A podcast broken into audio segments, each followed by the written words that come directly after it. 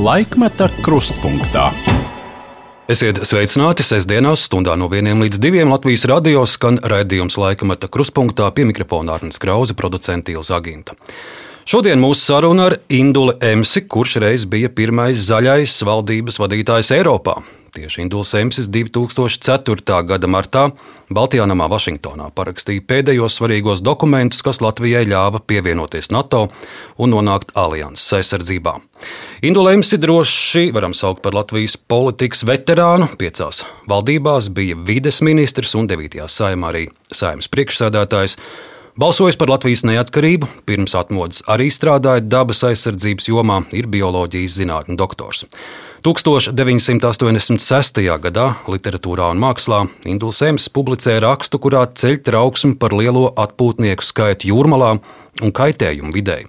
Trimdas presē tas tiek pārpublicēts, apbrīnojot, ka arī šāds kritisks viedoklis izskan padomi Latvijā. Un kas gan tas būtu par politikas veterānu, ja garijos aktīvā politiķa gados nebūtu sakrāt arī skandāli, sulīgi izteicieni, un Raiba kaklasaišu kolekcija, jā, arī ar tām Induls Emsis atšķiras no citiem politiķiem. Par dabu, vidzemes lībiešu dzimtes saknēm, par kāpumiem un sāpīgiem kritieniem politiķa gaitās šodien saruna ar Indulu Emsi. Esiet sveicināti! Labdien! Kad mūsu producente jums uh, zvanīja, viņa teica, ka izklausījies, ka jūs kā, sēžat traktorā. Tādas uh, traktora skaņas bijušas. Kā klājas Indulam Emsim šodien un ko viņš dara? Vai sēž traktorā? Tieši tā. Man pārsteidz šis zvans, kad es sēdēju uh, savā mini-ekskavatorā un kārtējo reizi kārtoju savu lauku ainavu.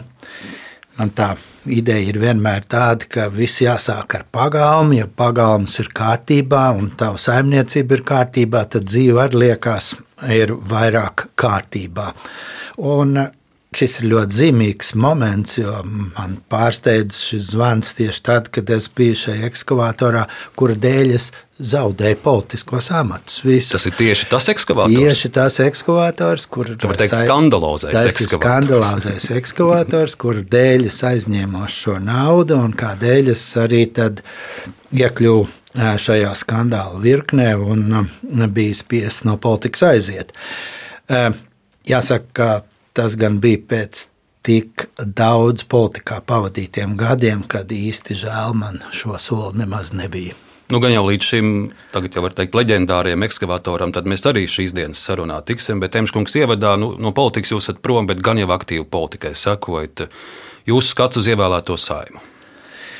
Jāsaka, šī saima man šķiet tāda, kas ir cerīgāka nekā bija iepriekš. Es viņu saredz gandrīz tādu, kā bija tā saima, kuru liekas, tā bija kāda 11. vai 10. kur prezidents Zatlers atlaida. Arī tā bija ļoti spilgta saima un varēja nest Latvijas politikā nu, tādas būtiskas, pozitīvas pavērsienus. Diemžēl šī saima tika atlaista. Un tālākās saimnes vairs nebija tik, tik attraktīvas un tik pievilcīgas. Un šī atkal ir tāda, kas rada simpātijas, jo vēlētājs ir bijis ļoti tāds prasīgs un, un, un izdarījis pavērsienus, tādas nopietnas pavērsienus, kas politikā gandrīz nebija sagaidām, kuriem es nevarētu noticēt, ja man teiktu, ka tā būs. Ka saskaņa neiekļūs, saskaņa neiekļūs parlamentā. Ja? Nu, tas ir kaut kas, kaut kas gandrīz neticams. Ne? Kā, šī saima izskatās cerīga. Vienīgi vecajiem politiķiem, tā skaitā arī ministra prezidentam Kariņkungam, ir jāsaprot, ka šī ir jaudīga saima un nevarēs strādāt tā kā iepriekš. Būs jāmaina savu darbu stils. Nu, šobrīd viss liecina, ka arī jūsu bijušie kolēģi, zaļie draugi, arī visticamāk būs nākamajā valdībā. Jā, tā izskatās. Tas izskatās, un, un jāsaka, tas manevrs, ko Tavārkungs, esot zaļo priekšstāvs, ir izdarījis, arī man pārsteidz, jo es īstenībā nebūtu tādu soli spērs, bet politikā galvenais ir vara. Un, ja mēs no šāda skatu punkta raugāmies, tad tas ir bijis pareizs solis. Tad, tad no, nu, nokļūt pie varas atkal un nomainot šo koalīcijas partneri, ilgstošo zemnieku savienību, aizstājot to ar jauniem koalīcijas partneriem. Tas ir drosmīgs solis, un šoreiz tas ir vainagojies ar panākumiem. Tā kā uh, uzvarētājus uh, ne, nu, kā saka, nepeļ tos apsveic. Tas bija pareizi, tas bija drosmīgi, tik ilgus gadus būt kopā ar Aivaru Lembergu, un tad pēkšņi vienā dienā pateikt, ne, ka viņš nedara, ka viņš tur apdraud. Droši. Jau teicu, mana, mana politiskā pieredze, es, pie, es tā nebūtu rīkojies, bet, kā jau saku, uzvarētājiem ir taisnība. Ja, šajā brīdī izskatās, ka viņa solis ir bijis attaisnots. Par jauno valdību, kā jūs vērtējat tās eh, tapšanas procesu, aprises? Izskatās, ka šeit mm, drusku tāda pārdomu brīdis ir iestājies. Es jau pieminēju, ka man šķiet, ka šie koalīcijas partneri ir jaudīgi. Un, Un uh, Kariņa kungam būtu īstais brīdis sākt uzticēties šim jaudīgumam, ir sevišķi Pīlēna kunga stratēģijai un domāšanas un intelekta spējai, kas man ārkārtīgi simpatizē. Es ilgi, ļoti ilgi Latvijas politikā nebiju saskatījis azartisku un gudru priekšstāvu tādu programmatisku uz, uznācienu, kas tiešām ļoti simpatizē, jo tas ir intelekts. Intelekts mums trūka, intelekts un skaidrība, kas bazēt uz uzņēmēju darbībā gūtas pieredzes. Tātad tā ir tāda praktiska lieta, kas uz tādu tā pļāpātu bija tiešām apnikusi. Ja? Tā plāpāta un, un, un, un atpalikšana no, no mūsu kaimiņiem ar katru gadu vairāk. Tas, tas kremta, tas ļoti kremta. Un, un es ceru, ka tas uh, periods ir garām, ka tagad būs uh, nu, tāda spēcīga, spēcīga virzība. Progresīvie būtu jāņem valdībā. Nu, viņi jau līdzīgi kā jūs arī ir zaļie, nu tikai citas paudzes zaļie.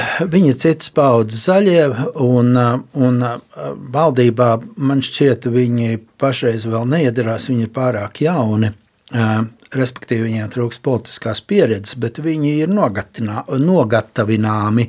Un tas nozīmē, ka viņus pusgrauda var ļoti labi strādāt saimā.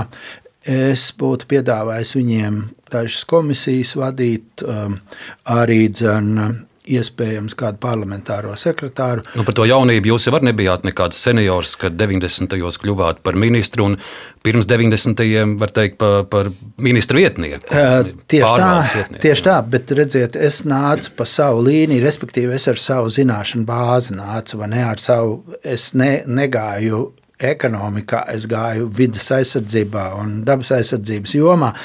Tas bija mans saka, ne, nu, aicinājums. Nu, nu, respektīvi, es iegāju savā sektorā. Tas tad jaunais var nākt, bet ja jaunais ienāk politikā un jebkuru amatu ir gatavs pieņemt, tas ir bijis. Nu, par to jābūt ir uzmanīgiem. Ne, jo tā ir politika, ir vissarežģītākā dzīves sfēra un prasa vislielākās zināšanas un pieredzi. Ja? Tā kā pieredze šeit ir nepieciešama un tā ir jāiegūst. Un, un progresīvie to var darīt. Es domāju, ka, ka viņiem viss vēl ir priekšā. Ļoti sarežģīti šobrīd ir arī ārpolitika, dažādi apdraudējumi, Krievijas karš Ukrainā un Eh, šajā laikā neviens vien atgādina savus eh, nopelnus eh, vai, vai rokas pielikšanu tajā, ka mēs šobrīd varam justies drošībā, ka mēs esam NATO, bet ne jūs pats citi atgādina, ka tieši Induls Emsis galu galā bija tas, kas 2004. gada 30. martā kopā ar vēl sešu Austrumēropas valstu pārstāvjiem piedalījās oficiālajā uzņemšanā Ziemeļatlantijas aliansē. Vai tagad, redzot, kas notiek Ukrajinā un pasaulē, jūs pats arī atminaties šo epizodi, kas droši vien ir viena no, tā var teikt, jūsu politiķa virsotnēm, kas bija piedzīvota. Tieši tā, tas bija spilgts un ļoti, ļoti gaidīts Latvijā. Pasākums mēs zinām, kāds ir mūsu kaimiņš, mēs to zinājām iepriekš. Un arī kopš Latvijas neatkarības dibināšanas un, un, un strādājot um, tā laika augstākajā padomē un gatavojot Latvijas neatkarības deklarāciju un pieņemšanu, un pēc tam puču pārdzīvojot un visas šīs um, um, tā laika Krievijas izdarības un bremzējošos pasākums. Mēs kā caur adatas acis iegājām šajā neatkarīgajā valstī. Tas mums prasīja milzīgu gribu, un toreiz mēs varējām tikai paļauties uz savu dziesmu spēku, ieroču spēku mums nebija. Un, Un šodien, esot zem šī NATO lietas sarga, protams, ka tā drošības sajūta ir daudz lielāka. Un, un man vēl lielāku šo drošības sajūtu rada tieši karš Ukrajinā, jo, jo Ukrāņu tauta cīnās par visu mūsu brīvību. Un, un, lai nu ko, bet šobrīd mums ir jāatzīst to un jāpalīdz Ukraiņai, cik nu vien tas iespējams, jo tā ir nācija, kas izcīna šo milzīgo kāru pret, uh, pret šo agresoru. Un, un, un tā pasargā mūs. Jo tie resursi jau aiziet, tagad Krievijas resursi aiziet šajā karā, viņi jau nebūs atgūstami. Tas nozīmē, ka šis draudz mazināsies. Un es saredzu, ka pēc šī kara Krievija vairs nebūs tā Krievija, no kuras mums būtu tik ļoti jābaidās, Es ceru, ka viņi kļūs par federālu valsti, un līdz ar to viņi kļūs um, nu, kaut kādā brīdī pietuvosies arī demokrātiskākam valsts statusam. Un, un tam mēs tiešām varam pateikties Ukraiņu nācijas drosmei, izturībai un, un, un tam, ka viņi varēja pacelt visu Eiropu un visu progresīvo cilvēku šajā, nu, šajā cīņā. Tas ir ļoti, ļoti svarīgi mums šobrīd. Tad, lai arī mūsu pirmais arhīvu fragments šodien skano šī vēsturiskā brīža, 2004. gada marts, kad Baltijā namā ir beigusies Latvijas un vēl sešu Austrumēropas valstu oficiālā uzņemšana NATO, ierakstā dzirdēsim toreizējo ASV prezidentu Džordžu Bušu un Latvijas ministru prezidentu Indulu Emsi. Laikā, kad NATO tika dibināta, šo septiņu valstu tautas bija impērijas gūstekņi. Tās pārcieta smagu tirāniju un cīnījās par brīvību. Tās ieguva brīvību ar drosmi un neatlaidību, un šodien tās ir kopā ar mums kā pilntiesīgas un vienlīdzīgas šīs lielās alianses partneris. The political map, maps may change, but the basic task remains the same to promote freedom, peace and democracy and to make the world a safer place for our people to live and prosper. From this day on, Latvia is and will be a trustful member of NATO. Un iztulkošu arī jūsu teikto, Baltijā namā politiskās kartes var mainīties, bet pamatu uzdevums paliek nemainīgs - veicināt brīvību, mieru, demokrātiju un padarīt pasauli par drošāku vietu mūsu cilvēkiem, kur dzīvot. Kopš šīs dienas Latvija ir un būs uzticama NATO dalībvalsts. Stainduls Ems Baltijā namā 2004. gadā toreiz uzreiz pēc šī notikuma, protams, nepatika izsaka Krievija un Baltkrievija. Tikmēr Ukraiņas prezidents eh, saka, ka viņš cer, ka arī viņa valsts reiz varēs pievienoties NATO pulkam, un arī NATO ģenerālsekretārs Šēfers saka, ka Alianses vēlreiz un vēlreiz skaidros Maskavai, ka NATO paplašināšanās nekādi neapdraud Krieviju, bet bijušās padomju bloka valstis no šīs dienas var būt drošas, ka pagātne vairs nekad neatgriezīsies. Tā drošības sajūta ir palikusi arī redzot to, ko šobrīd Krievija dara nemaz tik tālu no mūsu robežām? Drošības sajūta ir palikusi. Un um, šī, šī, šī NATO um, paplašināšanās tagad um, Somijas un Zviedrijas sakarā vēl drošāk padara šo mūsu reģionu, ja, jo, jo tas man pārsteidz, ilgus gadus man pārsteidz faktiski Zviedrijas un nu, tā atturīgā politika šajā jomā. Es vairāk kārt esmu ticies ar, ar dažādiem Zviedrijas premjeriem. Un neoficiāli pieskārušiem šim jautājumam. Vienā reizē mēs runājam par to, ka mēs Latviju pievienosimies Eirozonai. Un Zviedrijas premjerministrs man toreiz prasīja, kāpēc? Nu, nu, paskatieties, kā mēs Zviedrija varam iztikt ar savu valūtu un, un, un tomēr būt Eiropas Savienībā, un vai tad jums uh, gribas šo instrumentu tik viegli zaudēt?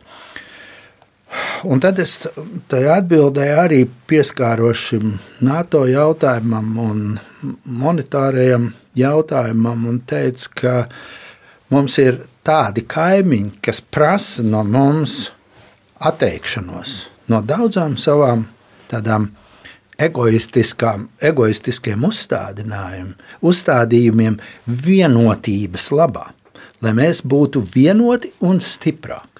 Mums ir jābūt stiprākiem reģionā. Un tas nozīmē, ka arī šī valūta nozīmē šo, šo ekonomisko stiprību. To, šo, un, un, un tas ir ļoti svarīgi, lai mūsu spraugās starp mūsu uh, valstu politiskajām atšķirībām, kāds kaitnieks nevarētu bāzt pirkstu un, un plēst vaļā vīlītes, kas mūs šī kopā. Un, un tas toreiz bija laikam Pēršons, kurš tad arī beidzot piekrita un teica, jā, jūs laikam pazīstat šo kaimiņu labāk par mums. Citā reizē kāds no, no premjeriem jautāja, vai jūs tieši uzskatāt, ka, ka mēs esam naivi attiecībā ar politiku pret Krieviju. Un mēs bijām toreiz visi trīs Baltijas premjeri tajā sanāksmē, un mēs visi kā viens atbildējām, jūs tiešām esat naivi. Jūs tiešām esat naivi, uzticoties tam, ko saka uh, uh, Krievijas Eh, vadītāji. Un to šobrīd atzīst daudzi rietumvalstu valdību vadītāji, ka jā, mēs bijām tādā kā miegā, mēs neieklausījāmies tajos trauksmes zvanos, kurus skaļi zvanīja Baltieši jau pirms pieciem un pirms desmit gadiem. Redzot karadarbības attīstību Ukrajinā, jūsu paredzējums, ar ko tas viss beigsies Ukrainai, Krievijai, Putinam, mums? Izskatās, ka lietas iet attīstās pareizā virzienā. Šobrīd eh, situācija Ukrainā kļūst aizvien stabilāka, tādā izpratnē, ka Ukraina saņem aizvien vairāk palīdzības un efektīvāku palīdzību, un šī ieroču sistēma, kas ir Ukraiņas rīcībā, ļauj viņiem nu, laust šo situāciju. Un, bīstamība ir tajā, ka es kā biologs saku dažreiz, jābūt ļoti uzmanīgam, ja jūs dzenat žurku stūrī. Jo stūrī iedzert, iedzīta žurka mēdz uzbrukt daudz spēcīgākam pretiniekam ar visiem viņas rīcībā esošiem līdzekļiem. Un to nereti ne ir Krievija atgādinājusi. Tas nozīmē, ka Ukrainas spēkam, kurš šobrīd dominē, vajadzētu pieplusēt rietumu diplomātiju, lai eh, mēs nenonāktu līdz um, kodoldraudiem, līdz reāliem kodoldraudiem. Tas ir tas, tā ir tā barjera, uh, kurā ieroču spēks būtu jāpieklusina diplomātijas labā. Bet tas brīdis vēl nav pienācis. Es eh, būtu uzmanīgs. Ne, nepāriet kaut kādu robežu, kas var izraisīt eh, no nu, tādu pasaules katastrofu. tas būtu tas šī brīža. Sajust šo, šo līnijas trauslumu. Es ceru, ka rietumu diplomāti domā par šo, un arī NATO domā par šo, kā šo trauslo līniju nepārkāpt. No šodienas notikumiem tagad dosimies nesenākā pagātnē. Minūtēs 10, 15 iztaigāsim jūsu politiķa ceļus. Kā jau ievadā minēju, tur bijuši gan, gan kāpumi, gan arī ielējas un um, piecās valdībās. Vides ministrs ar, ar vides ministra laiku es arī šo stāstu vēlētos sākt, un, un es raugos, ka jūs kā vides ministrs bijāt klāta vairākās, vairākos notikumos, kas šobrīd ir pašsaprotami, bet, bet 90. gada sākumā varēja teikt, ka tas ir noticis pirmoreiz. Tika atklāts pirmais vēja ģenerators Ainažos, pirmais zīvju ceļš mazajā Hesā, arī Talsos pirmā izgāstu pēc Eiropas standartiem veidot Tad nu, mazos fragmentos eh, atgādināsim šo laiku, kad jūs bijāt vidas ministrs un, un vidas jomā daudzas aktivitātes tikai bija pašos pirmsākumos. Un es sākšu ar 95. gada 2. novembri. Ainažos pie automaģistrāls Vija Baltika tiek atklāts Latvijā pirmais vēja ģenerators, kuram līdzvērtīga jauda nav visā Baltijā. Un, protams, arī premjerministrs Mārcis Gailis un vidas ministrs Induls Emsis ir klāt šajā svarīgajā notikumā. Fragments. Nē, es varu pilnīgi droši apgalvot, ka nekādas problēmas ar ekoloģiju nebūs. Ne iedzīvotājiem, ne mājdzīvniekiem, ne kam citam. Protams, ka eh, vēja ģeneratori rada zināmas vibrācijas, un eh, pie nu, tāda lielāka vēja ātruma nekā ir šodien, var būt eh, tāda zumēšana. Un, eh, nu, ļoti nervoziem cilvēkiem varētu nepatikt, ka kaut kas zum, bet eh, es domāju, ka eh, pie tā pierod un, kā jūs redzējat, arī mājas ir stipri tālu no ģeneratoriem. Nu, lūk, tas ir pirmais vēja ģenerators, bet, bet jūs pieminat arī, ka ļaudīm ir bažas. Un, un arī vēlākos gados daudz lieli projekti tika atlikti vai, vai dažādās tiesvedībās un birokrātiskos gaiteņos Mm, tika slāpēti, un, un šobrīd mēs to novērtējam, ka, diemžēl, mums šo vēja parku, ja šobrīd būtu krietni vairāk, mums nebūtu tā jāsatraucās par mūsu energoneatkarību. Bet šis bija ainažos pats, pats sākums. Jā, un tas sākums bija cerīgs, un pēc tam, pēc tam bija pieklusums. Cerīgs tāpēc, ka tas tiešām bija mūsu um, Latvijas energo tāds kā solis, pirmais solis šajā virzienā. Un es biju iedomājos, ka mūsu lielā elektrokompānija turpinās šo soļus un ies šajā virzienā. Bet mēs visi zinām, ka Latvijas energo šos ilgos, ilgos gadus bijušas šīs gāzes adatas uz šīs gāzes narkotikās adatas un nespēja no tās nokāpt nu, nu, nu, pilnīgi daudzu, daudzu gadu, gadu, desmitu garumā. Un jāsaka, strādājot jau arī ar uh, ietekmes ar vidi vērtējumiem, es uh, vairākiem šiem ietekmes uz vidi vērtējumiem bija arī manā birojā, tika tapināti mm, Eiropas projekta birojā. Uh, man tiešām bija liela nož, ar lielu nožēlu jāpiedzīvo, ka piemēram Liepājas uh, vēja parkam, kuram mēs guvām pozitīvu ietekmes uz vidi atzinumu, bet pārsūdzot šo vērtējumu tiesā, vēja parka attīstība tika aizturēta uz astoņiem gadiem šo astoņu gadu laikā jau nomainījās turbīnas, un tās turbīnas, kas jau bija ražošanā, vairs nederēja. Tā, tām bija citi raksturlielumi, respektīvi arī ietekmes uz vidu vērtējums bija nokavēts. Um, jāsāk no jauna faktiski. Un, un viss tas tiem uzņēmējiem, kas gribēja to radīt, radīja milzīgas zaudējumus. Un ko mēs šodien redzam? Mēs redzam šo enerģētisko krīzi un Latvijā absolūti nepietiekoši ģenerējošās jaudas. Un mana toreiz redzējums bija. Gan ar šiem vēja parkiem, gan ar mazajiem hēsiem, eh, gan ar biogāzes eh, ražotnēm, iet uz decentralizāciju, iet uz miniatūrākām ģenerējošām jaudām, kur, kuras būtu perspektīvākas Latvijai. Un, ja reiz jūs pieminat mazos heisus, par tiem būs mūsu nākamais arhīvu fragments 1995. gada 15. novembris Aiviekstes hidroelektrostacijā. Tiek atklāts zīvju ceļš, tāds ir izveidots pirmais visā pēckara Latvijā. Fragments no šī notikuma. Ar lielajām zivceļus, diemžēl, vairs uzbūvēt nevarēs, un vienīgā iespēja, ko mēs mēģināsim atrisināt, ir tāda, ka tur tiks ražots zivju mazuļu mākslīgi un mākslīgi atlaist ūdenskrātuvēs jau un tā kompensēt šie zaudējumi.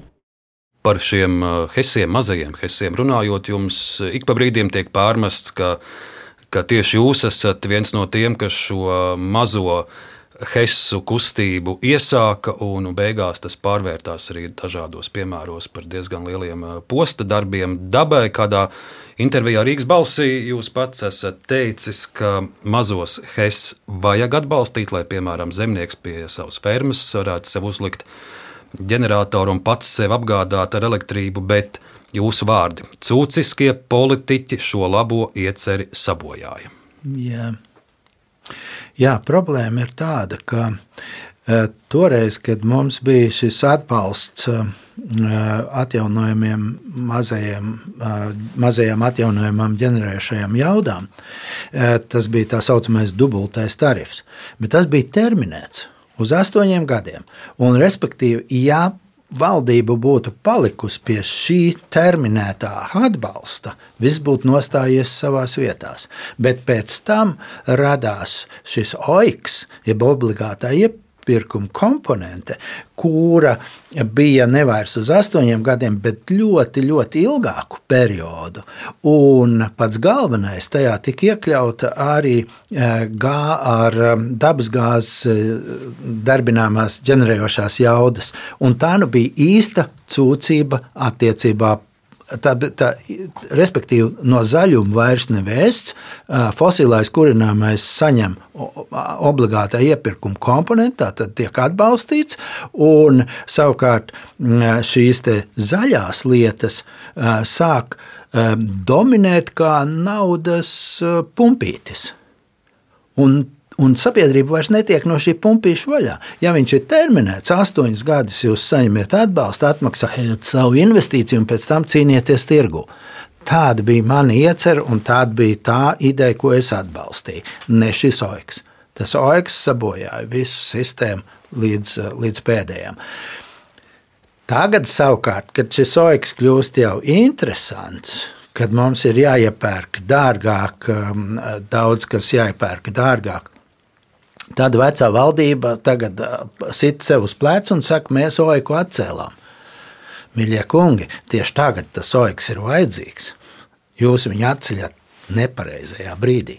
Tad, kad Latvijai vajag savu attīstīt savu enerģiju, un kad obligāta iepirkuma komponente kļūst negatīva, respektīvi patērētājiem tiek piemaksāts par oiku, tad jūs viņu at, at, atceļat. Tas ir pilnīgi nepareizi. Jo, jo, kā jūs saprotat, tā, tā elektrības cena ir tik augsta, ka tagad oiks jau kļūst negatīvs pēc tās formulas. Viņš jau vairs, vairs nav sloks patērētājiem, bet, bet atbalsts. Ar vienu vārdu sakot, politikā cūcības es esmu redzējis daudz un gana.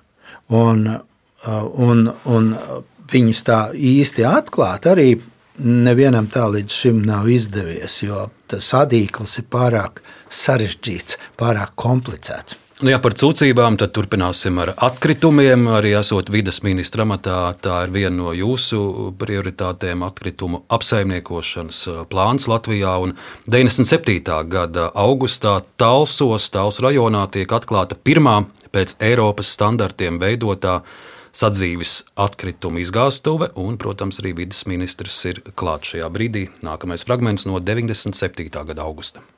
Es domāju, ka kaut kur 3-4 gadu laikā mēs varētu visu Latviju sakārtot un uh, nodrošināt ar kultūrālu atkritumu apsaimniekošanas sistēmu nu, 3-4 gadu laikā ļoti pozitīva prognoze. Neizdevās ne, ne 4, ne, ne 10 gadu laikā, un, ja runājam par depozītu sistēmu, tad turpat uh, paudzes pagāja, kamēr tā Latvijā tika ieviesta. Jā, un arī, mm, arī mm, tā sistēma vairs, tad, kad viņu ievies, tagad tā depozīta sistēma neatrisina tās atkrituma apsaimniekošanas problēmas, kuras mums ir. Bet to, ko mēs atrisinājām, tas ir visā Latvijā, ir kultūrāla atkrituma noglabāšanu lielajos atkrituma apsaimniekošanas poligonos. Mums izdevās Latviju sadalīt desmit, toreiz 11 reģionos, negaidot tādu pašvaldību reformu. Mēs ar savu atkrituma apsaimniekošanas sistēmu Latviju sadalījām desmit reģionos, apvienojām pašvaldības un, un nu, to 500 vai vairāk atkritumu izgāstu vietā radījuma desmit kultūrāls atkrituma apsaimniekošanas poligons. Līdz ar to bija izbeigta vides eh, degradācija, vidas piesārņojuma šajā ziņā. Tas bija milzīgs solis Latvijas atkrituma apsaimniekošanā.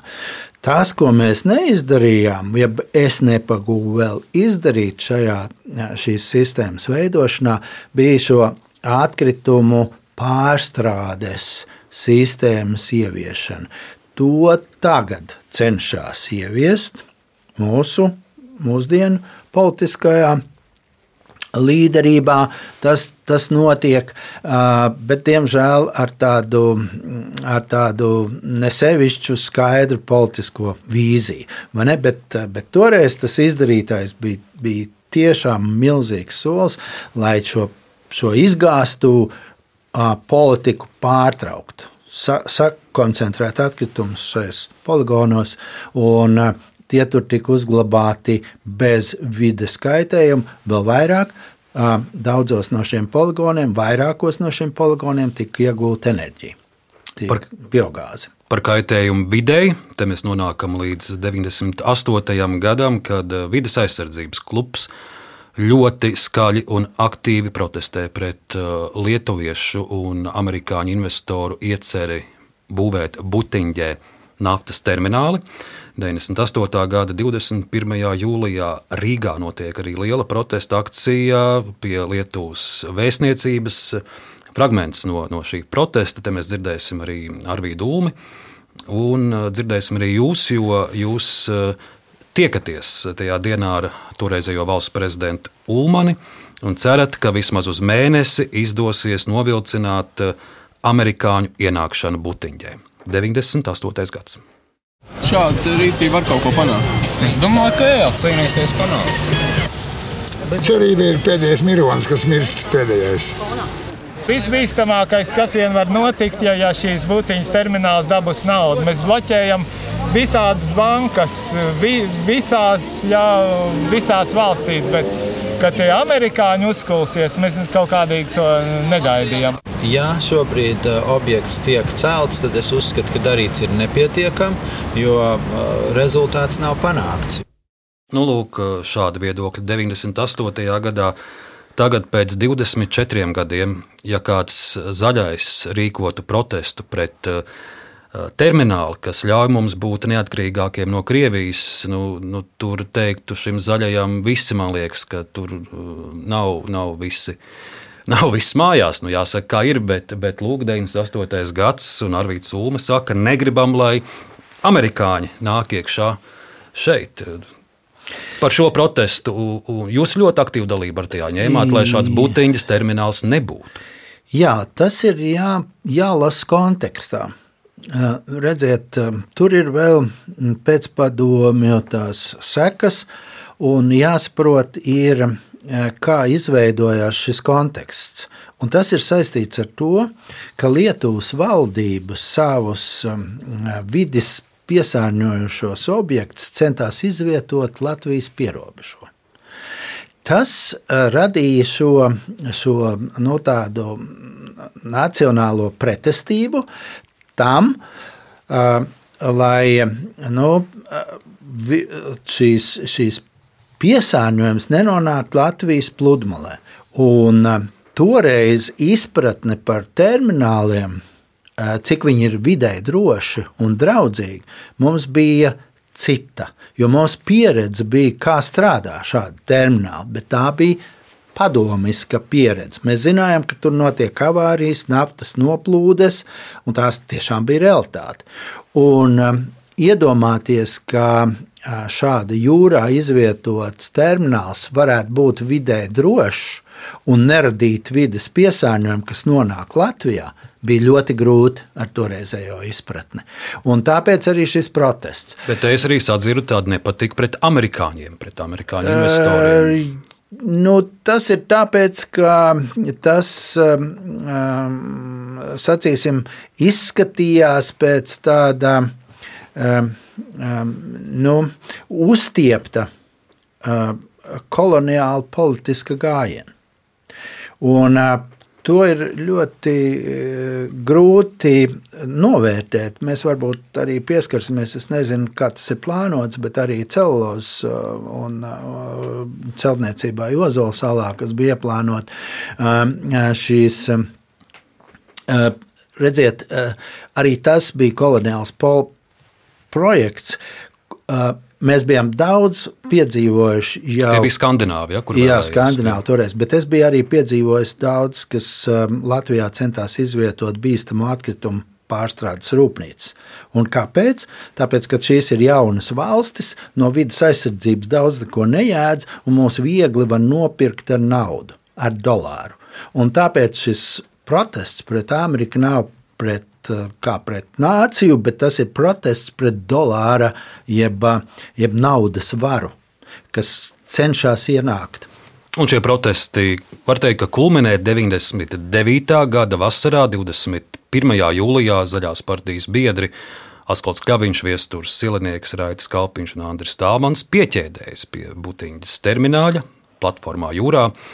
Toreiz eh, vidas aktīvisti tiek aizturēti, lietuviešu robežas sargi viņus nogādā Klaipēdā. Viņi arī tiek sodīti par robežu šķērsošanu, un viņiem arī liekta bija divu gadu ierašanās Lietuvas teritorijā.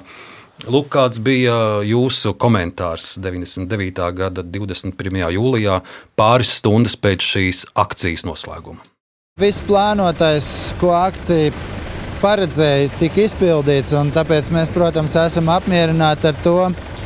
Ehm, jāsaka arī, ka eh, nu, Lietuvas robežsargi nebija pārāk bargi, un tas arī ir eh, mums gandarījums, eh, acīm redzot, kāda, kāda tāda solidaritātes sajūta un, zinām, varbūt vainas apziņa Lietuvas pusē ir, tāpēc šie sodi cerams nebūs pārāk bargi, vismaz tā izskatījās. Tikmēr eh, dažiem ļaudīm izskatījās, ka arī šie mūsu zaļo protesti iespējams ir eh, saistīti ar kādām interesēm, kur, piemēram, Vēnspils nevēlējās, lai viņiem eh, blakus ir konkurence. Vairāk kārt ir izskanējuši pārmetumi, ka jūs jau pieminējāt šos dolārus un, un ka mūs viegli nopirkt. Vai, nu, bija tādi pieņēmumi, vai mūsu zaļie ar šeit nav nopirkti, vai mūsu zaļie nav speciāli uzkūdīti, lai, lai torpedētu un bremzētu šāda šobrīd ļoti svarīga termināla izveidi Butiņģē. Jā, nu noteikti nē. Um, manā skatījumā toreiz zaļā kustība bija zobaina, varoša un drosmīga. To vairs nevar teikt par šodienas zaļajām kustībām. Mēs bijām tāda kustība Latvijā, kas bija eh, nu, tā kā Greenpeaceam eh, radniecīgi mēģināja rādīt zobus dažādās formās un veidos, eh, kā vidē nedraudzīgs projekts. Mūsuprāt, vidē nedraudzīgs projektus ir jābremzē. Jāatcerās no šī konteksta, ka tajā laikā arī nebija vēl vides ietekmes uz vidi novērtējuma procedūra. Un līdz ar to mēs nevarējām būt droši par šādu uh, iniciatīvu, vidas aspektu ievērošanu. Bet šos pieņēmumus jūs varat tā stingri noliekt, ka, ka tur nebija kādi dolāri vai Vēncpils dolāri vai kādi citi, kas jūs kurbulēja šādi rīkoties. Pilnīgi droši. Es pieņemu, ka tajā laikā mēs pat arī ne, nemaz neapzinājāmies um, šīs um, nu, saiknes, ja tā varētu teikt, ka tur ir kaut kāda uh, saikne šajā virzienā, jo raugi um, tā nafta jau plūda pretējā virzienā. Nu, tad, tad viena plūda no valsts ārā, otra bija paredzēta valstī iekšā. Tas pilnīgi neradīja nu, konkurences vīziju. Es, es nevaru pat saskatīt to konkurenci. Un kas ir vēl viens attaisnojums? Toreiz mēs cīnījāmies pret Vēnspili tikpat nopietni, jo Vēnspils toreiz bija ekoloģiskās nelaimes zona. Un, un sākot no, no 80. gada beigām, tātad sabiedrības uzmanībā Vēnspils bija tikai kā ekoloģiskā tāda katastrofas vide, un mēs tur brukām virsū tikpat nopietni. Tikpat nopietni, kā um, arī nu, agrākajos gados, kad es vēl nestrādāju šajā vidas pārvaldībā, bet uh, biju vidas um, aktīvists, uh, mēs uh, ļoti daudz cīnījāmies pret šo Ventspils terminālu tālāku attīstību. Sarunas turpinājumā mēs nonākam 2000. gados. Šajās saimnes vēlēšanās eh, zaļo un zemnieku ceļi šķīrās, bet tagad atminēsim brīdi, kad eh, Latvijas zaļā partija un Latvijas zemnieku savienība salauzās. Tas bija 2002. gada 6. jūlijas eh, zaļās partijas ārkārtas kongresā ar lielu balsu pārsvaru nolēmts, ka Rudenī zaļie kopā startēs ar zemniekiem, jo sociologu aptaujas rāda, ka šādi apvienojot spēkus, tiks saņemtas krietni vairāk vēlētāju balss nekā startējot atsevišķi, un šādu apvienošanos kongresā aizstāvat arī jūs, kā zaļās partijas līdzpriekšsēdētājs, mazs fragments no 2002. gada. Skaidri redzam, kā atdzimst Latvijas neatkarības pretinieka aktivitātes, kā tās saņem diezgan nopietnu finansiālu un politisku atbalstu eh, arī no mūsu eh, kaimiņu valsts austrumos. Pašreizējā politiskā situācija neļauj faktiski darīt savādāk. Nu, tas tikai neliels ieskats kongresā. Es skatījos, ka tur bija arī vairāki zaļās partijas biedri, kas izteica piesardzību par šādu iešanu kopā ar zemniekiem, jo, piemēram, zemnieki esot balsojuši par priežu izciršanu jūrmalā. Un arī bija pārmetums, ka vairāki zemnieku biedri esot nievājuši izteikušies par zaļo biedru Visvaldi Lāci. Tas ir tas, ko es šajā kongresā saklausīju. Tas bija pareizi, iet kopā ar zemniekiem. Jā, tas solis bija ļoti pareizs. To pierādīja arī nākamā, nākamie politiskie cēlieni. Vēl jau vairāk es apsveicu šodien jebkuru politisko spēku, kas mazina sadrumstalotību, kas um, runā par apvienošanos, par pievienošanos, par kopēju sarakstu veidošanu. Tie politiskie spēki manā skatījumā domā tālredzīgi. Visi, kas šķēļ politisko vidi, kas jau tā Latvijā ir pārlieku sašķelta, um, uh, ir pretējā nometnē un uh, veicina Latvijas politisko vājumu. Un, uh, tādēļ jebkura šāda saprātīga apvienošanās uz, uz, uz noteiktiem principiem uh, ir vajadzīga un atbalstām.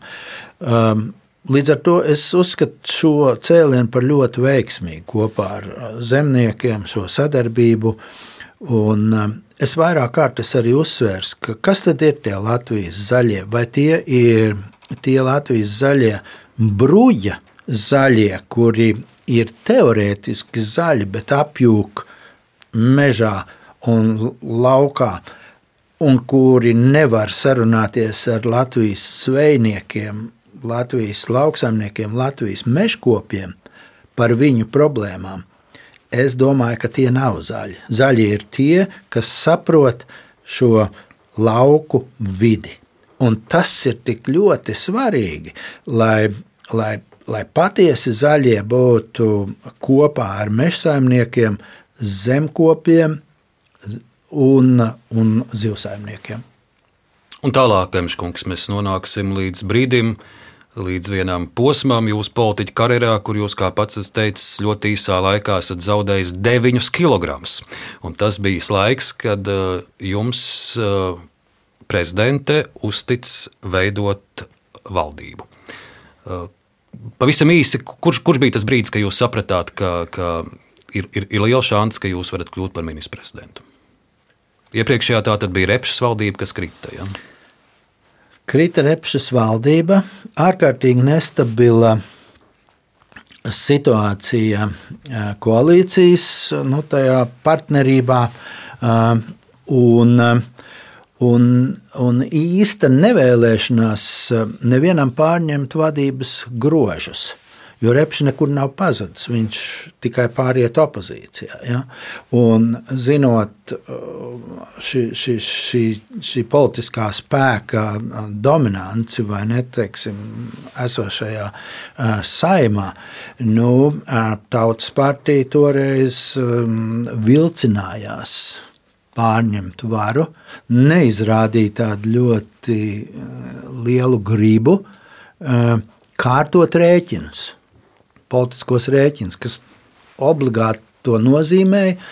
Nu, pēc uh, šī repšas valdības, pēc šī nu, tāda, tāda, ļoti spēcīgas darbības, var nemēģināt izlīdzināt situāciju. Nu, tagad arī arhīvu fragmenti mums palīdzēs uh, atsaukt atmiņā to laiku, kā jūs stiķējāt kopā savu valdību. Tas nebija viegli. Un, un, uh, jūs arī gājāt pie jaunā laika, mudinājāt viņus nākt savā komandā, bet eh, jaunais laiks saka, ka atbildes uz viņu jautājumiem jums nav bijušas pārliecinošas, īpaši par tādām lietām kā korupcijas apkarošana un ārpolitika.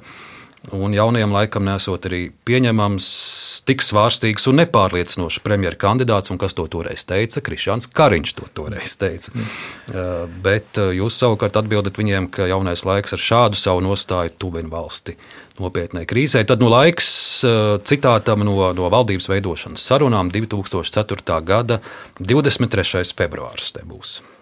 Es gāju pie jaunā laika, piedāvājot viņiem līdzdalību valdībā, sakot, ka viņi būs galvenais un nozīmīgākais koalīcijas partners, kura vēlmes un griba tiks respektēta vairāk nekā jebkura citu koalīcijas partneru vēlmes un gribu, jo viņi ir lielākie. Kopumā mēs konstatējam, ka, ja Indulis Emsis izveidotu valdību kā Zaļo zemnieku savienības pārstāvis, ka šī valdība būtu var būt noturīga, bet mērķos ļoti svārstīga. Uz tā rēķina, ka pielāgotos itam, itam pēc vajadzības. Tātad principa trūkums. Principa trūkums tas ir tas, ko jums eh, toreiz pārmet eh, Krišāns Kariņš. Nu, viņš varēs tagad sastādot valdību šos principus, mēģināt tā stingri ievērot. Un, uh, tas ir redziet, kā dzīvē notiek. Tas uh, bumerāns jau nav. Nu, viņš jau taisa joks, vai ne? Un tajā pašā situācijā, um, kurā es biju savulaik, tagad ir Kariņkungs, un, un, un viņš var demonstrēt šos principus. Man tas bija grūts brīdis, jo izveidot izdevās tikai mazākumu valdību, ne tikai mazākumu valdību. Un, un tas, protams, ir katram saprotams, ka mazākuma valdība nebūs ilglaicīga. Un man spūles visu šo periodu bija mazākuma valdību padarīt par vairākumu valdību.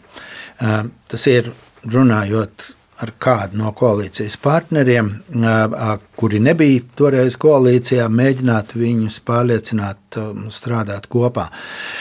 Cerības bija gan uz tēvzemiešiem, gan, gan citiem cilvēkiem, bet nu, īsti tas neizdevās. Bet, nu, 9. marts 2004. gadā ir svarīgs datums jūsu politiķa karjerā. Saima nobalso par Induļēmšu valdību. Jūs kļūstat par ministru prezidentu. Parlamentā pirms tam ir garas debates. Jaunais laiks vēl pēdējā brīdī cenšas tautas partiju pierunāt par jums nebalsot. Ir dažādi savstarpēji apvainojumi, bet beigās balsojums par jūsu valdību 56 balsis pret 33 par balso Zaļo zemnieku savienību, Tautas partija, Latvijas pirmā partija un jums tiek arī tautas saskaņas partijas, tātad Jurkāna balsis. Mazs fragments no, no debatēm pirms valdības apstiprināšanas dzirdēsim Ausmu kantā no jaunā laika un arī jūs. Mīļo Jurkāna kungs, ko man mācīties no jums? Vai tā ir politika, vai tā ir tā demokrātija, jeb tā ir tā demagoģija? Kur tad ir tā jūs, kur esat jūs, Jāni, jūs cilvēki? Es gribu jūs kā cilvēku saprast, bet es nesaprotu. Es jūtu meli, meli, meli, meli un meli, un man sāp sirds, es te smoku nost. Jūs to varu, to lielo atbildību, kas jums bija dot, jūs sev uzmetāt uz kājām, un jūs tagad no sāpēm bļaujat. Un jūs no neko citu nevarat izdomāt, kā emocionāli runāt, melo, melo, melo, sarkanie komunisti un tā tālāk. Jo nav jau argumentu. Kariņkungs, es saprotu, viņš ir izaudzis ASV, viņš zina, kas ir makartisms. Tur katru vakaru lien zem gultām un meklē sarkanos. Kariņkungs arī Latvijā šodien neko citu nedara. Man ir tas gods saimnes vārdā apsveikt mūsu jauno ministru prezidentu Indulu Emsi. Pārmetumi, kas šeit skanēja no tribīnas, ka Latvijas politikā varētu notikt kāds pagrieziens, ka Latvijas politika varētu kļūt promas, promaskaviska, tie ir maldi. Mēs esam eiro optimisti. Nu, tādi ir jūsu vārdi. Saimnes namā stāvot ar sarkanām rozēm pāris minūtes pēc jūsu ievēlēšanas valdības vadītāja amatā. Jā, tas um, nu, bija tāds, redziet, dzīvē viss jāskatās atkal kopsakarīgās. Un runājot par Jānu Jurkānu, jums jāatcerās, ka viņš bija pirmais Latvijas ārlietu ministrs un ka mēs kopā veidojām Latvijas neatkarību. Mēs bijām plec pie pleca Latvijas neatkarības sākumā, un tāpēc man uzticēšanās Jānim Jurkānam bija pietiekami liela, un es domāju, arī otrādi bija pietiekami laba sapratne par to, jo man imponēja tas, ko viņš izdarīja Latvijas tajā pirmajā cēlienā, kad mēs tik, tikko ieguvām šo varu un, un kā mēs šo varu uh, nostiprinājām toreiz. Un, uh, tāpēc ir jāsaprot, ka man šī politiskā pieredze jau bija ar uh, garāka un uzticība daudziem cilvēkiem, kas varbūt bija politiski kādā alternatīvā vietā, bija lielāka par tiem, kas tikko ienāk politikā un redz tikai klišejas. Es redzēju cilvēkus aiz šīm, šiem, šiem, šiem politiķiem. Tāpēc es spēju uh, iet un runāt arī ar šiem politiķiem un gādāt par to, lai man pietiktu balsis uh, katrā konkrētajā likuma projektā. Kā tagad moderni saka, jūsu valdība ir daudz izaicinājumu. Es izvēlējos pieminēt tikai vienu. Kontekstā ar šī brīža notikumiem pasaulē vēl nepilns mēnesis kopš jūsu valdības apstiprināšanas nav pagājis, un Rīgā ir lieli protesti. Tā sauktais Krievu skolu aizstāvju štābs rīko piketu Rīgas centrā. Vismaz 5000 cilvēku, arī daudz skolēnu tur piedalās. Un, un, protams, tas, tas protests ir pret uh, pāriešanu uz mācībām. Valsts valodā, izglītības iestādēs mēs arī redzam, cik daudz gadi ir pagājuši, ka beidzot tas ir noticis, bet, bet tobrīd milzīga pretestība, milzīga arī musināšana, arī skolēnu musināšana. Un, uh, Jūs mudinat eh, drošības iestādes eh, šo visu izmeklēt. Mazs fragments no 2004. gada 15. aprīļa, kad tūkstošiem cilvēku Rīgā protestē pret mācīšanos latviešu valodā. Te ir skaidri varas struktūrām darbs atrast tos, kuri ir kūdītāji. Mēs ļoti strikti skatīsimies, eh, un vainīgie tiks saukt pie atbildības, ja tiks pārkāpts likuma pants. Un es jaušu, ka šādi pārkāpumi jau ir. Tagad jau 18 gadi kopš šiem protestiem ir pagājuši. Kuri toreiz bija tie kūdītāji un, un kādēļ? Ja tolaik būtu jau stingrāk nolemts, ka, ka mums ir jāmācās valsts valodās, skolās, vai tas nebija jādara jau tad, vai tas bija ļoti grūti to izdarīt? Toreiz mēs izdarījām visu, ko tajos apstākļos bija iespējams izdarīt, respektīvi, neatkāpāmies no šī likuma, kas tika pieņemts, jo spiediens bija milzīgs. Tas bija ne tikai skolu un skolotāju un, un šo aģitatoru, aģitatoru organizatoriskais darbs. Atceros, ka man iesūdzēja tiesā, tur bija tāds Kazakovs, man vēl vajadzēja tiesāties ar viņu, un, un vēl dažādas citas likstas tur bija. Un, uh, toreiz es sajūtu, cik trausla ir Latvijas šī sociālā vide un cik ātri mēs varam pārkāpt šīs sarkanās robežas, ka mums būtu jācīnās Latvijas iekšienē ar, starp, starp dažādām cilvēku grupām. Un mums varētu rasties tāds īsti sakot, tuvu pilsoņu karam mēs bijām tajā brīdī. Un to saprotot, es risināju jautājumu sekojoši. Es sapratu, ka šis ir tāds nu, kritiskais brīdis, kad mums ir jāsaņem varas groži savās rokās. Un kā to izdarīt? To izdarīt var tikai tā, ja Latvijas tiesību sargājušās sistēmas apvienos savus spēkus. Drošības sistēma, tiesību sargājušās sistēmas un e, politehnologi. Un es aicināju e, katru dienu sanākt tādai krīzes pārvaldības grupai, kurā eh, ir pārstāvi no visām tiesību sargājušajām institūcijām, un, un kuri seko līdzi notikumu gaitai un mēģina atklāt šos, šos bikstītājus, tos, kas organizē to lietu, jo bija ar neapbruņot acis saskatāms, ka šī ideoloģija nāk pāri robežai. Un tā tad mums bija atrasts vājais punkts, mazākuma valdība, domstarpības, un šīs, šīs jaunais izglītības likums, kurš, kurš katalizē lietas, un tad vēl pensionāri pie vis tā klāt ar nenodrošinājumu. Ja? Un, un skolotāja algas, kur Repškungs liedzās paaugstināt toreiz. Un tas viss radīja tādu bumbu kas var sprāgt. Un tāpēc katru dienu sasaucot šo, šo drošības um, situācijas analītiķu grupu un iesaistot preses tādus pārzinošus cilvēkus, kuri strādāja um, nu, nomierinot sabiedrību, un pašam iesaistoties šajās kustībās, piemēram, ejot personīgi piedaloties šajā protesta, pretprotesta mītiņā, ko es 1. septembrī uzorganizēju Doma laukumā piedaloties tajā un, un, un roka koncertu. Populāra mūziķa. Jā, uzsaucot jauniešiem roka koncertu, kur puse ir krievu, krieviski runājušie, puse ir latviski runājošie, un visus sasaucot vienu vietu, Doma laukumā. Tas it kā izklausījās ļoti riskanti, bet tas nostrādāja. Parād, rādīja to, ka jaunieši savstarpēji nejūt nekādu savstarpēju naidu. Parādījās tas, ka tas ir inspirēts, izsaukts. Ja jūs runājat par riskiem, arī politikā bez riskiem neiztikt un bez skandāliem neiztikt. Es nu, mūsu šīs dienas sarunā pieminēšu tikai vienu, bet nu, tas skandāls bija skaļš kā traktors. Jūs jau pieminētais traktors, un tā tad ir 2006. gada 9. oktobris.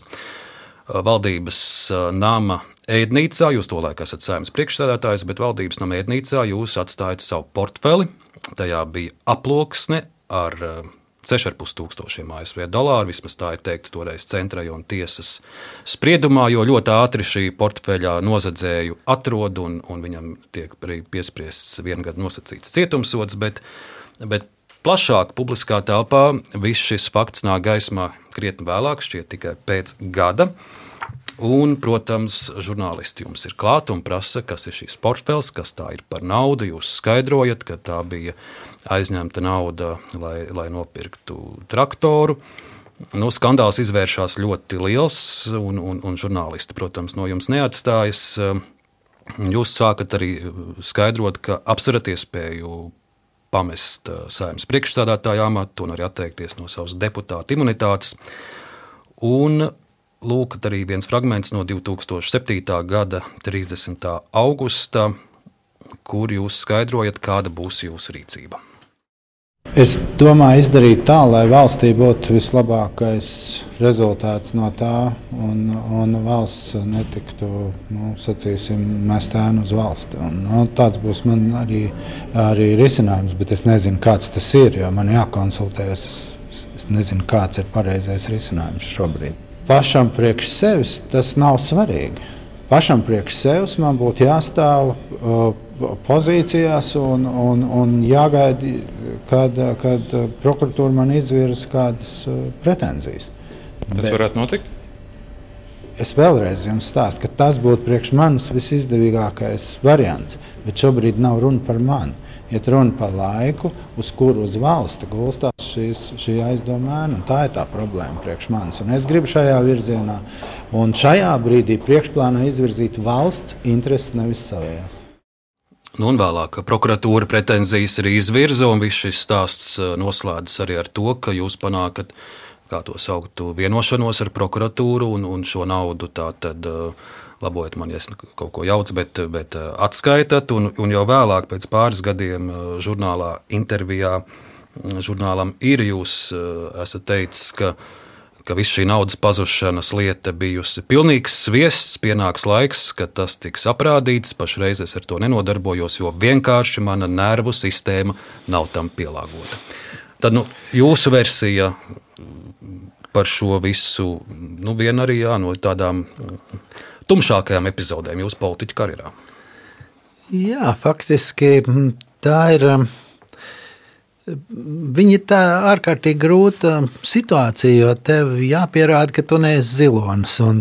Tas man kaut kā nav, nav bijis pierasts, ne, ka man ir jācīnās politikā pašam par sevi. Bet, labi, no... Es pavisam vienkārši pavaicāšu. Kas tas par koferu bija? Pa portfeli un, un kā, tas, kā jūs viņu tā aizmirsāt no, aizniecībā? Nu, tāpēc arī aizmirsu, ka man nekāda nu, sakara ar šo, šo naudu, kā, kā kaut kādu tur, kā man tur piesēja, ka tas ir kaut kas kukuls, man dots vai kukuls vai kaut līdzīgi. Vai Tādas naudas jau nu, es ceru, ka neaizmirst, vai ne tie, kuriem viņas dod. Bet, bet man tā bija vienkārši aizņemta nauda no, no, no drauga, aizņemta nauda, eh, kura man bija vajadzīga šī ekskavātoriņa nopirkšanai. Un, eh, un tas ekskavatoriņš tajā brīdī man nelikās tik svarīgs, un es viņu tur atstāju, vai ne, tajā ministra kabinetā. Un tad, kad es konstatēju, kad, eh, ka man nav šī, šī somiņa, tad es eh, devos viņai pakaļ, un viņa tur vairs nebija. Nu, tad es atcerējos arī par to naudu, kas tur ir iekšā. Nu, tad es tiešām ceļā devos uz, uz drošības policiju un uzrakstīju iesniegumu. Man, tas ir nu, tā, tā kā, nu, kā ministra kabinetā zog. Jo toreiz es arī varēju izlikties par, par, par muļķi un aizmirst šo lietu.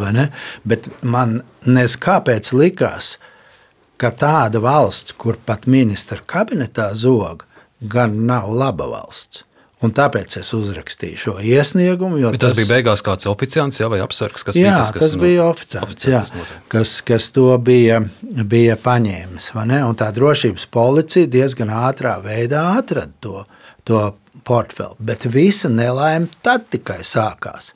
Jo es uzrakstīju iesniegumu, kad man šajā portfelī ir 10,000 ASV dolāru jo tāda bija mana noruna ar kolēģi.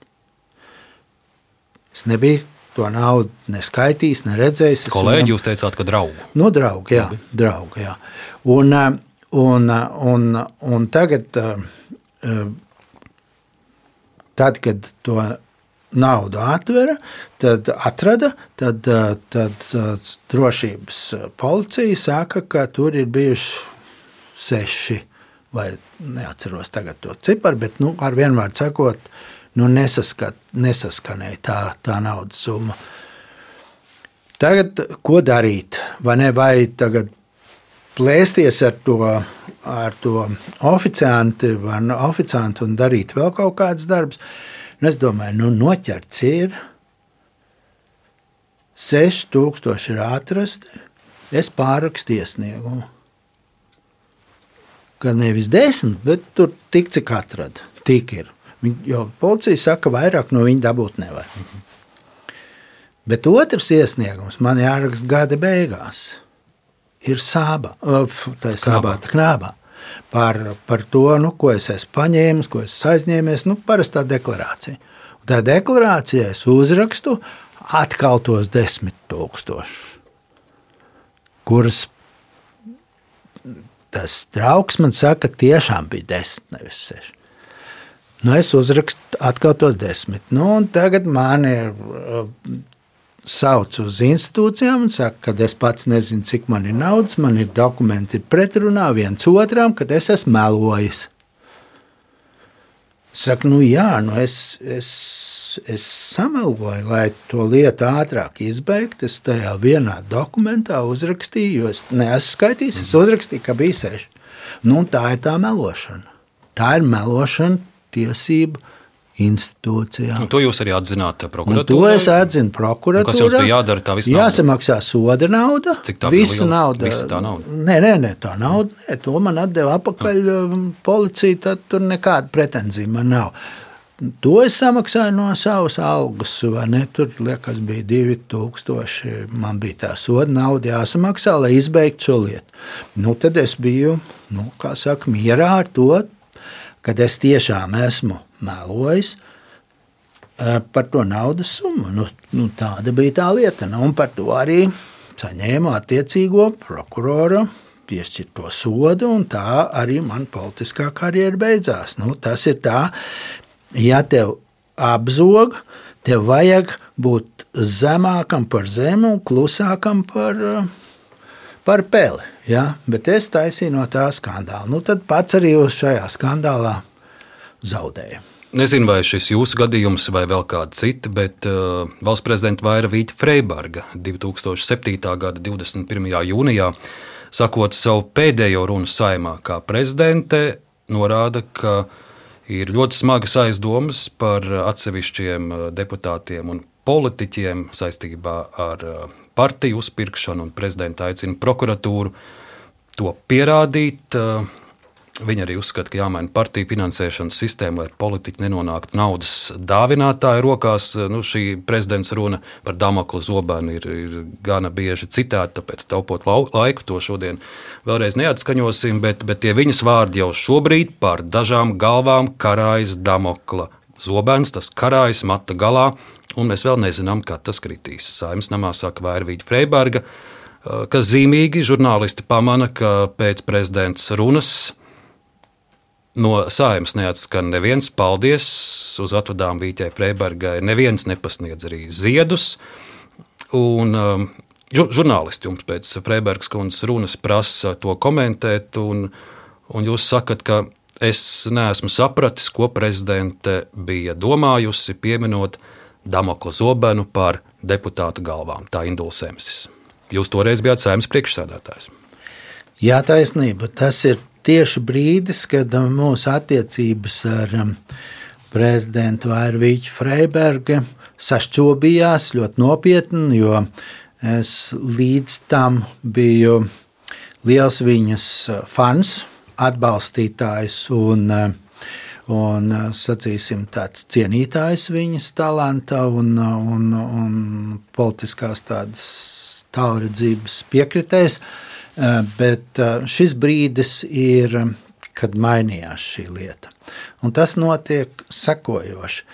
Tad, ja prezidents būtu šos kritiskos vārdus adresējis saimai, savam darba devējam, tad, ja jūs sākat darbu. Tad tas būtu saprotami un lietišķi. Bet, ja jūs divas reizes esat saņēmis apliecinājumu no saimnes, savu darbu devēju, ka jūs esat labs prezidents, jums mēs uzticam šo prezidenta vadīšanu, un tad jūs aiziet ar vārdiem, ka darba devējs ir kaut kāds ļoti apšaubāms, virs, un ka virs darba devēja karājās kaut kāda damakla zobena. Bet saima ir parlaments, un Latvija ir parlamentāra republika. Kā prezidents var atļauties pateikt savam darba devējam nosodījumu aizejot? Tas man likās, tas rūkums bija tik liels, ka arī likās, ziedi vairs nebija. Ja, Freibergs, tas man likās, ka nu, tur nav runa par ziediem, tur prasījās komentārs no kodu, ja kodu mēlē, nekādu komentāru nebija. Bet, bet nu, arī es uzskatīju, ka tas, tas nav forši. Tas nav forši, ja mēs visus šos cēlienus, divus cēlienus kopā esam strādājuši roku rokā, saimē ar ministru prezidentu, ar valsts prezidentu. Ar valsts prezidentu.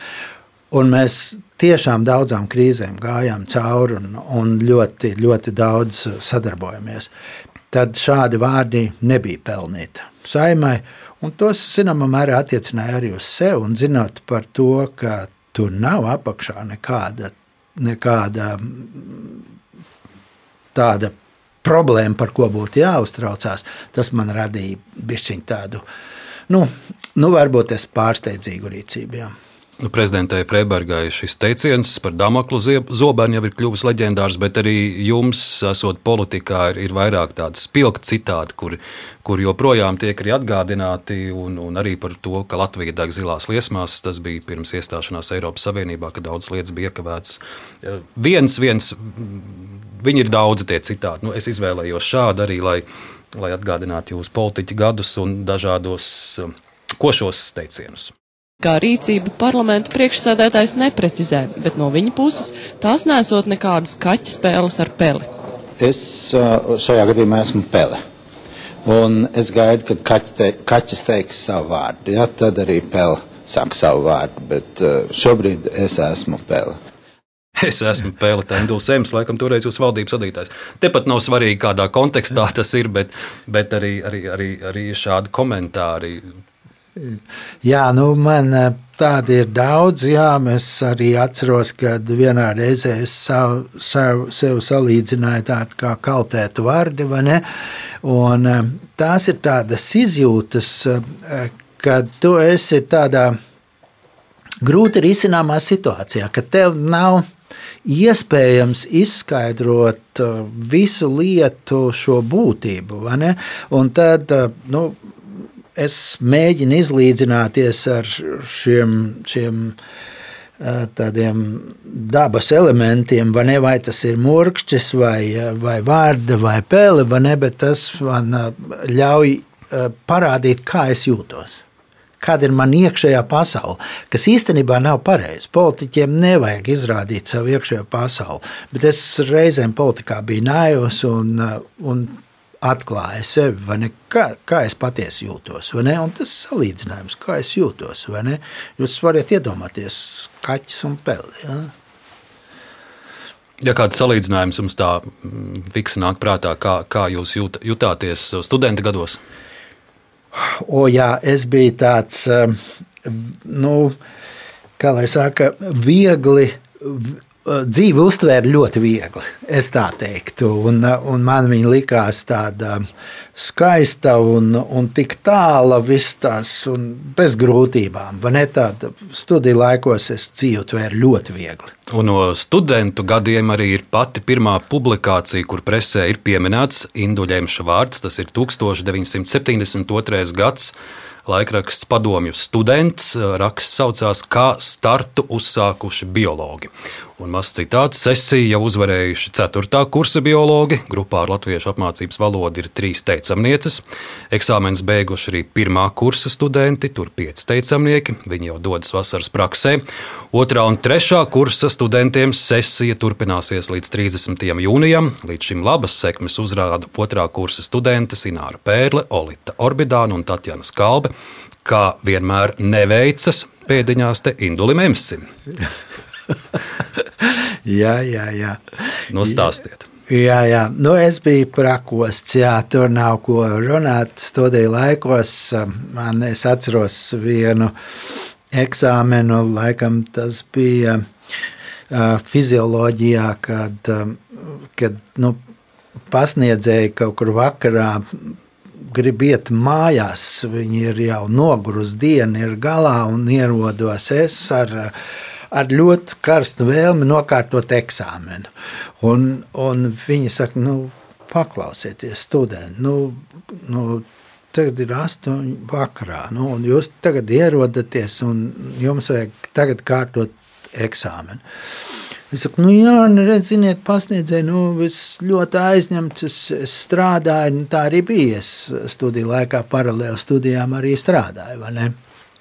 Dažādas darbus, nu, gan, gan, gan nu, tur bioķīmisko preparātu rūpnīcā aparātus uzraudzīja, gan vienu laiku pat alus fabrikā, kastes krāmēja uz, uz lentēm un tā tālāk.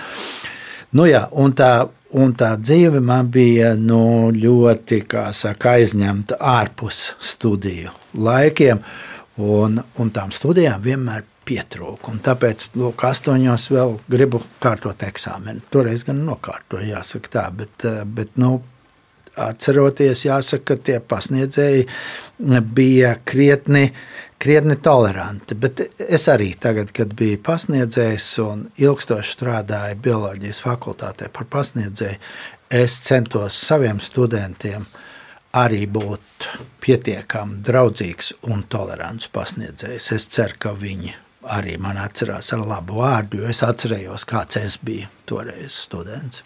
Man nākamā izvēlētā epizode jau pēc studentu gadiem 1980. gads Rīgas rajona laikraksts Darba balss un citāts. Nesen iepazināmies ar Zinātniskās ražošanas vienības Silava komjauniešiem. Pirmorganizācijas sekretārs Staņislavs Šaršuns pastāstīja par topošo zinātnieku darbu un sabiedriskajiem pienākumiem. Notika konkurss, kurā iesūtīti 17 darbi. Konkurss veltīts Vladimira Iļiča Ļeņina 110. jubilejai. Bioloģisko zinātņu plūsmā pirmo vietu ieguva Indulis Emsis. Viņš savā darbā zinātniski pamatojis nepieciešamību veikt mežu iekārtošanas pasākumus pirms tas sācis degradēties. Šo darbu atceraties? Jā, tas bija man. Um Arī es eh, faktiski eh, savu kursa darbu rakstīju un diplomu darbu šajā tēmā. Un, ja mēs ritinām tālāk, tad es arī savu disertāciju, savu zinātņu kandidātu disertāciju rakstīju tieši par šo tēmu, tātad par atpūtas mēžu eh, stabilitāti, izmaiņām un kā šos, šo degradāciju varētu pārtraukt. Tā bija man ilgstošā tēma, tā kā es atceros arī šo, šo, šo sākumu stādīja. Tas ļoti vienkārši. Es dzīvoju Vidzemes jūrmalā. Manā senču māja, mana vecāka māja bija tādā priežu mežā. Un es konstatēju, ka šis mežs, uz kuras gāju divus kilometrus uz savu lāņa astoņgadīgo skolu katru dienu, ka viņš mainās, ka viņš zaudē to skatu, kāds viņš bija manā bērnībā. Un tad es mēģināju noskaidrot šos cēloņus un konstatēju, ka tie, tās ir atpūtnieki, atpūtnieku milzīgās slodzes uz šo mežu, kas viņu degradē. Un lūk, par atpūtniekiem arī es gribu šodien mūsu sarunā pieminēt publikāciju Literatūrā un mākslā 1986. gada jūnijas. Vēl atmoda un neatkarība ir, ir diezgan lielā tālumā, un jūs publicējat rakstu saistībā ar Startautisko vides aizsardzības dienu. Mazs citāts. Laikā, kad motorizētās atpūtnieku masas spiediens uz Rīgas jūras līča piekrasti ir sasniedzis milzu apmērus un turpina augt, bet lielas dabas mīlētāju domāšanas un ekoloģiskās izglītības līmenis nereti paliek iepriekšējā gadsimtā dabas iekārtošanas un uzvarēšanas lozungu līmenī. Jārunā par atpūtu kā dabas aizsardzības problēmu. Un es arī mm, paskatos, ka vēlāk šo rakstu pārpublicē trimdas prese, arī, arī zināmais un cienītais vēsturnieks Ulris Ģērmans vienā savā publikācijā uz šo atsaucas, jo te ir stāsts par to, ka tie ir padomju laiki, okupācijas laiks, un, un nebija pieņemts kritizēt tūkstošu tūkstošus, kas uh, sauļojās mūsu jūrmalā no plašās padomju savienības un ko viņa aiz sevis atstāja. Tieši tā, šī darba ļaužu atpūta bija tā kā svētā govs, un par to tā īpaši iebilst nebija pieņemts. Un, un visi uzskatīja, ka tā Rīgas jūrmāla un pārējās atpūtas vietas, ka tā ir nu, teritorija, kur, kur šiem, šiem darba ļaužiem tad ritīgi justies brīviem no, no savām slodzēm.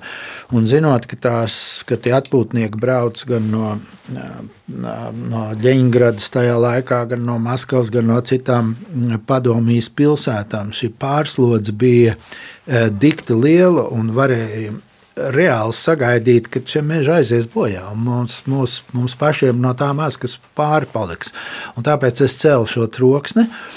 Un daļēji ar panākumiem, jo šie meži pakāpeniski tika uzsākta aizsardzība, tika pieņemta piekrastes joslas aizsardzības likumi, kāpu aizsargu joslas likumi, tiek īpaši aizsargami dabas objektu sistēma izveidot un citi, citi regulēšana normatīvi akti. Tas viss noved pie rezultātu. Vēl viens video no 80. gadu beigām, kur es vēlētos atskaņot mazu fragment. Tātad pašās 80. beigās, bet tie vēl padomu laiku jūs kļūstat par dabas aizsardzības komitejas priekšsēdētāja vietnieku. Un fragments no kinožurnāla Gaismēnas, kurā tiek stāstīts par dabas piesārņojumu. Tur, protams, toreiz ir ļoti aktuāls stāsts par slokas celos fabriku un, un citām lietām. Arī paklausīsimies. Bet cik gadus vajadzēja padomju varai Latvijā, lai radītu it kā visspēcīgu, dabu aizstāvošu komiteju? tās priekšsēdētāja vietnieks. Ja mēs gribam saglabāt jūr, Rīgas jūras līci, ir kardināli savādāk jāstrādā. Un to, ka dabas aizsardzības komiteja ir radīta kā orgāns, kas varēs darīt, tas ir daļai maldi. Dabas aizsardzības orgāns ir radīts kā peramais suns, lai būtu viens, uz ko uzvelt visu vainu, lai netiktu redzēts vairs īstais vainīgais, Tātad um, Visavienības resori, lai iziet no savu uzmanības loka, um, resori un ministrijas cenšas atņemt no dabas aizsardzības komitejai viņas kontrolas tiesības, paturēt sev. Zivsaimniecības resors patur sev kontrolas tiesības, meža saimniecības resors patur sev, lauksaimnieki patur sev, un dabas aizsardzības komiteja atstāja ko visiem kaut, ka viņa neizpilda šo darbu. Tātad praktiski nekādas cerības nākotnē nav kaut kas uzlabots. Nē, cerības ir. Varu neviens nedod, varu ņem. Nu, tas ir tāds ieskats. Es jums teikšu, Emškungs, te jūs esat tikpat uh, karavīgs kā, kā progresīvie tagad runājot par zaļajām lietām. Jā, tur ir zināms pamats, jo toreiz uh, jāsaprot, ka dabas aizsardzība uh, nu, bija jēdziens, bet vidas aizsardzība jēdziens nebija vispār. Un, uh, tikai sākoties ar Gorbačovu tā saucamo perestroiku, jeb atmodi, ne, kas ievies uh, šo nepieciešamību visās uh, uh, republikās izveidot šo dabas aizsardzības komitejas, bija brīdis, kad lūzums notika. Man ne, pāriet no resoriskas aizsardzības sistēmas uz visaptverošu aizsardzības sistēmu. Un šeit es norādu to, cik eh, nepareizi ir tā doma, ne, ka paši resori tiks galā ar savu jautājumu, ka vajag tādu nacionālu resursu uzraudzības institūciju, un tas bija pilnīgi jauna sistēma. Un es brīnos, kā toreiz man uzaicināja par šo vietnieku strādāt no Silavas. Es pārgāju tātad no Meža zinātnes pētniecības institūta, pārgāju šo administratīvo darbu. Nu, tas manā, manā karjerā bija ārkārtīgi liels solis, vai ne tāds uz, uz priekšu. Un vēl Emškungs mums sarunā ir vien pāris minūtes palikuši. Es tomēr pavisam īsi gribu arī par jūsu dzimtu pavaicāt, jo uh, Reti, kuram tā ir izpētīts dzimtas koks, kā jums, pa mammas Rītas Emses dzimušas noriņas līniju. Jums senākie zināmie senči ir atrasti pat no 1700. gadu sākumiem, kad latviešiem pat vēl uzvārdu nebija. Lielnori, matu zāļi, mm, tie ir vidzemes lībieši no svētkiem. Un kas ir interesants fakts arī Pēterburgas Zinātņu akadēmijas akadēmiķis Šegrens 1846. gadā ekspedīcijas laikā svētciem muižā sastopa pēdējos lībiski runājošos 22 iedzīvotājus, un starp tiem ir arī jūsu viens sencis Krists Lielnors. Jā. Šī ir ļoti patīkama apzināšanās, ka es un mana dzimta nav pametusi šo vidzemes jūrmālu, un mēs tur dzīvojam un turpinām dzīvot un turpinām šo, šo dzimtas koku. Un, un nemēģinām laimi rast kur citur pasaulē, bet, bet mēs esam lokāli patrioti. Un, un tas, tas ir ļoti patīkami apzināties, ka tēvs eņģi ir minuši to pašu piekrasti, to pašu teritoriju, tās, tās pašas um, lau, laukus kopuši, uh, ko turpina darīties. Tā ir tāda pēctecība, un, un tas faktiski ir viens no man tādiem lielākajiem tādiem plusiem, ko es apzinos. Un 62. gadā jums bija vien desmit gadi, bet vai jūs atminaties, ka 62. gadā jūsu mājās eh, ciemojās Imants Ziedonis, jo tad eh, žurnālā Liesma ir publikācija par jūsu tēvu Vili Emsi, Protams, ir stāsts, ka viņš ir zvejnieks, bet arī sirdī un dvēselē mākslinieks, lai gan nekur nav mācījies, bet glezno un ir vienkārši izcili dažādi kogriezumi. Vai atcerieties, ka Imants Ziedonis pie jums mājās viesojās? Jā, es atceros šo eh, tā kā fotografiju, es atceros šo, šo brīdi, kad Imants Ziedonis apsēžās mūsu mājās Silmaļos zem eh, bērza un eh, runā ar manu māsu, kura, kura bija tāda ļoti jauna dzēniece toreiz, un viņa uzdrošinājās Imantam parādīt savu dzēju. Un es šo bildīti, tā kā tādu fotografiju, redzu savā acu priekšā, kad Imants ir mūsu mājās un runājās ar māsu. Tas, tas, vai viņš to laiku atbrauca ar motociklu? Viņš to laiku atbrauca ar motociklu, un jāsaka, ka pēc tam es arī padarbojos ar Imants Ziedoni jau viņa koka atbrīvotāja grupā, un daudzu, daudzu parku labiekārtošanā piedalījos arī kopā ar viņu šo, šo koku atbrīvotāju grupā. Bijušais saimnes priekšsēdētājs un ministrs prezidents Induls Sēms, Semškungs, liels paldies par šodienas sarunu un par jūsu atmiņām. Paldies jums par lielo darbu. Tik daudz sameklēt uh, lietas, kuras, kuras es pat biju piemirsis, ir, ir ļoti cienījami. Paldies jums! Radījuma autora Arnēs Krausa un Ilza Agīnta par skaņu rūpējās Elizabete Šaicānava un Reinas Budze. Pateicamies par palīdzību Nacionālajam arhīvam. Turpiniet klausīties Latvijas radio!